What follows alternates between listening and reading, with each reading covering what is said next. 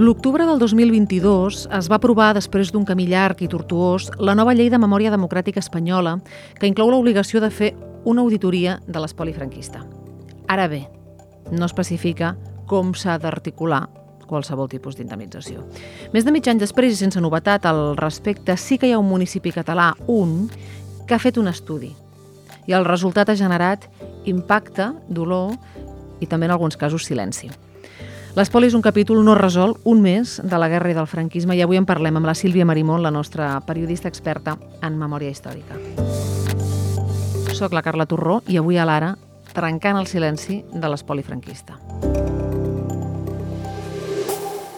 Sílvia Marimón, hola, bon dia. Bon dia.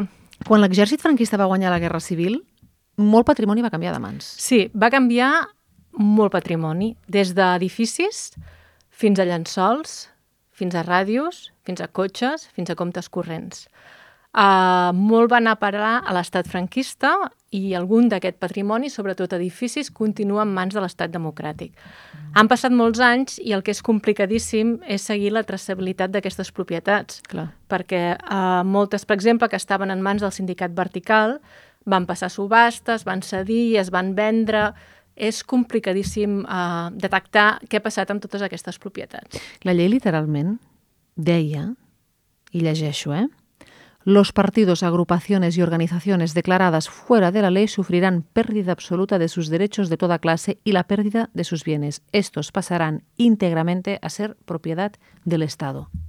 Clar, això vol dir que ni tan sols calia gairebé demostrar... No, no, i de fet, clar, donava molt marge també a, a famílies o persones que tenien també ànsies de revenja. És clar. a dir, clar, molta, molts ajuntaments, moltes institucions van ser ocupades per la dreta i aleshores es va aprofitar. I en aquest cas, per exemple, Caldes de Montbui, que ha estat el primer municipi que ha fet un estudi de, de la població, de moment només la primera part, que és entitats i empreses, estan treballant en la segona, que és més eh, patrimoni personal, i ja estan mirant com fer-ho perquè és una cosa molt conflictiva, han passat molts anys, i molta gent ni tan sols sabia que les seves famílies havien estat víctimes de l'espoli.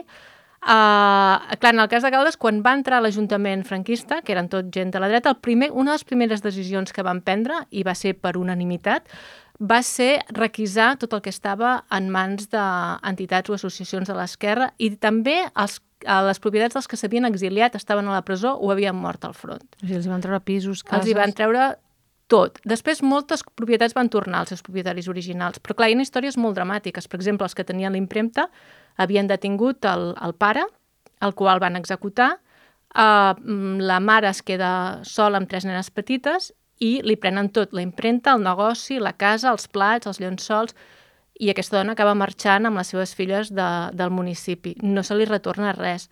Hi havia una licoreria, que el pare també estava exiliat, ell sí que va tornar, que és el Font Coberta, um, però aquests també durant 4 o 5 anys no van poder tornar a casa seva, els comptes corrents mai van recuperar tots els estalvis que tenien, que eren bastants, mm -hmm.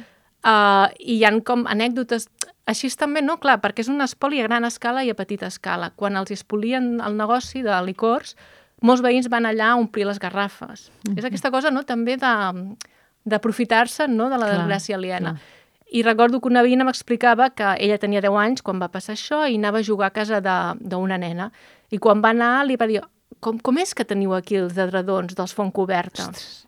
O, per exemple, la tieta d'aquesta família, que era la més decidida, sabia qui s'havia quedat a la ràdio i se'n va anar a buscar la ràdio a casa d'aquella persona. És a dir, clar, és, tens, tens, tens, teníem també un gran teixit associatiu aquí a Catalunya i tot aquest teixit associatiu de taneus, uh, sindicats, entitats de tota mena van perdre tot el patrimoni que va, parar, va anar a parar a l'Estat. Però amb això que has explicat de Caldes, estem parlant de que s'ha vist com s'havien arribat a casa llençols, sí. ràdios, i que a dia d'avui la família sap que aquell llençol i aquella ràdio que era de la seva família està a la família del veí del costat? Saben i no saben, perquè uh, hi ha hagut molt de silenci. Clar, la, la neta dels Fontcoberta, de la licoreria, no sabia que la seva família havia patit l'espoli. I ara ho ha anat descobrint. Clar, t'ho imagina't l'impacte que això pot tenir, no?, mm, després de tants anys, i amb una població relativament petita. Uh, quan va acabar la Guerra Civil, Caldes tenia uns 4.000 habitants. I, de fet, encara és un d'aquells municipis que la gent més o menys es coneix. Coneixen cada família. I, clar, ara estan gestionant o a veure com ho fan en aquesta segona part que és el tema més de patrimoni personal. Com s'ha decidit fer? Jo et volia preguntar justament, ara, ara anirem a què, què t'has trobat a Caldes, eh?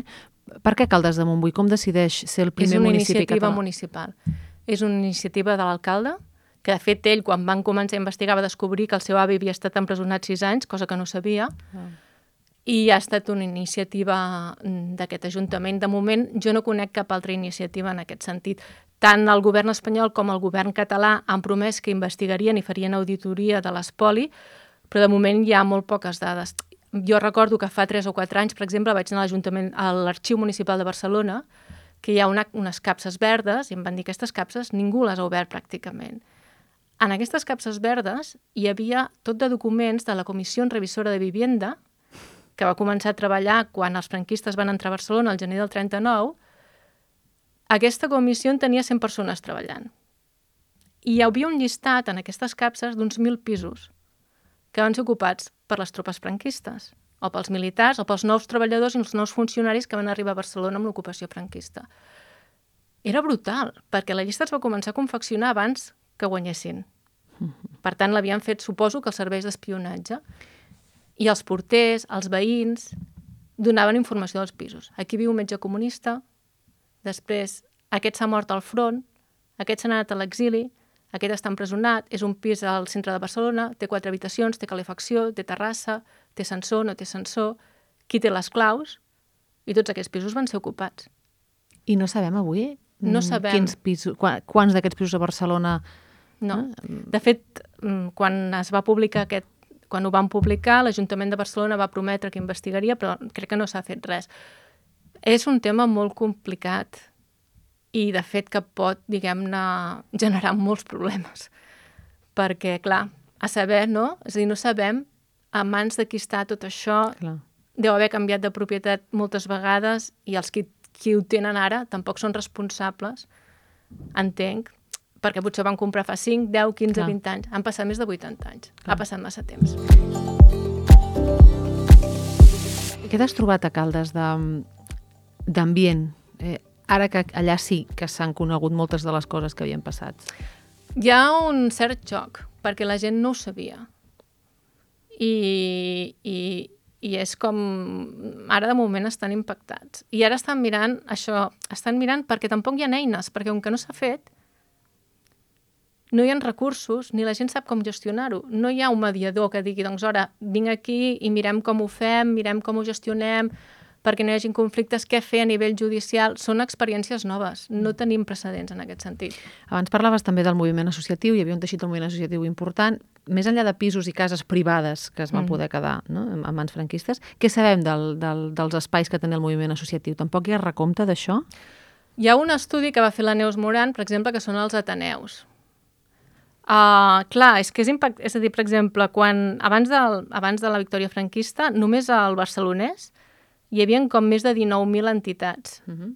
que, van, que després, de la, després de la dictadura i tot va, es van reduir en 1.000 entitats. Totes aquestes entitats, moltes tenien edificis o tenien seus i tot això va passar en mans de l'Estat.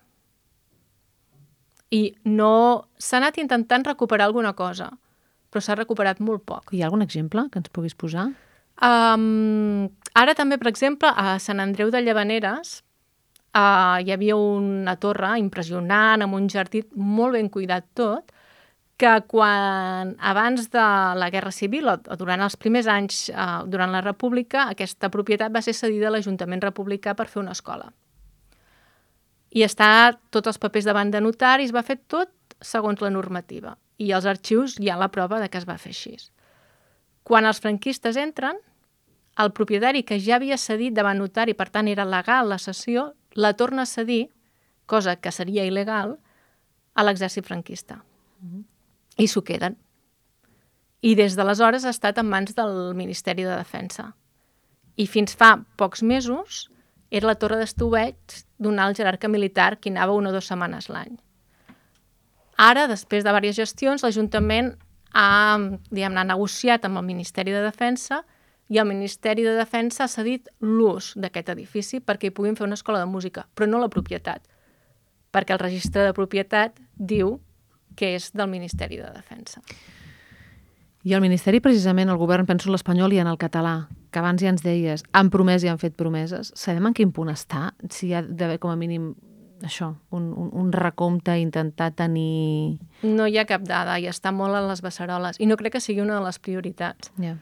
Perquè poden fer un estudi, poden fer una auditoria, serà molt difícil, jo crec que és una tasca mm, complicadíssima, els arxius uh, no es deu conservar molta cosa, s'hauria d'anar al registre de propietat i mm, en cap moment cap de les lleis diu res de tornar ni d'indemnitzar ni res de tot això.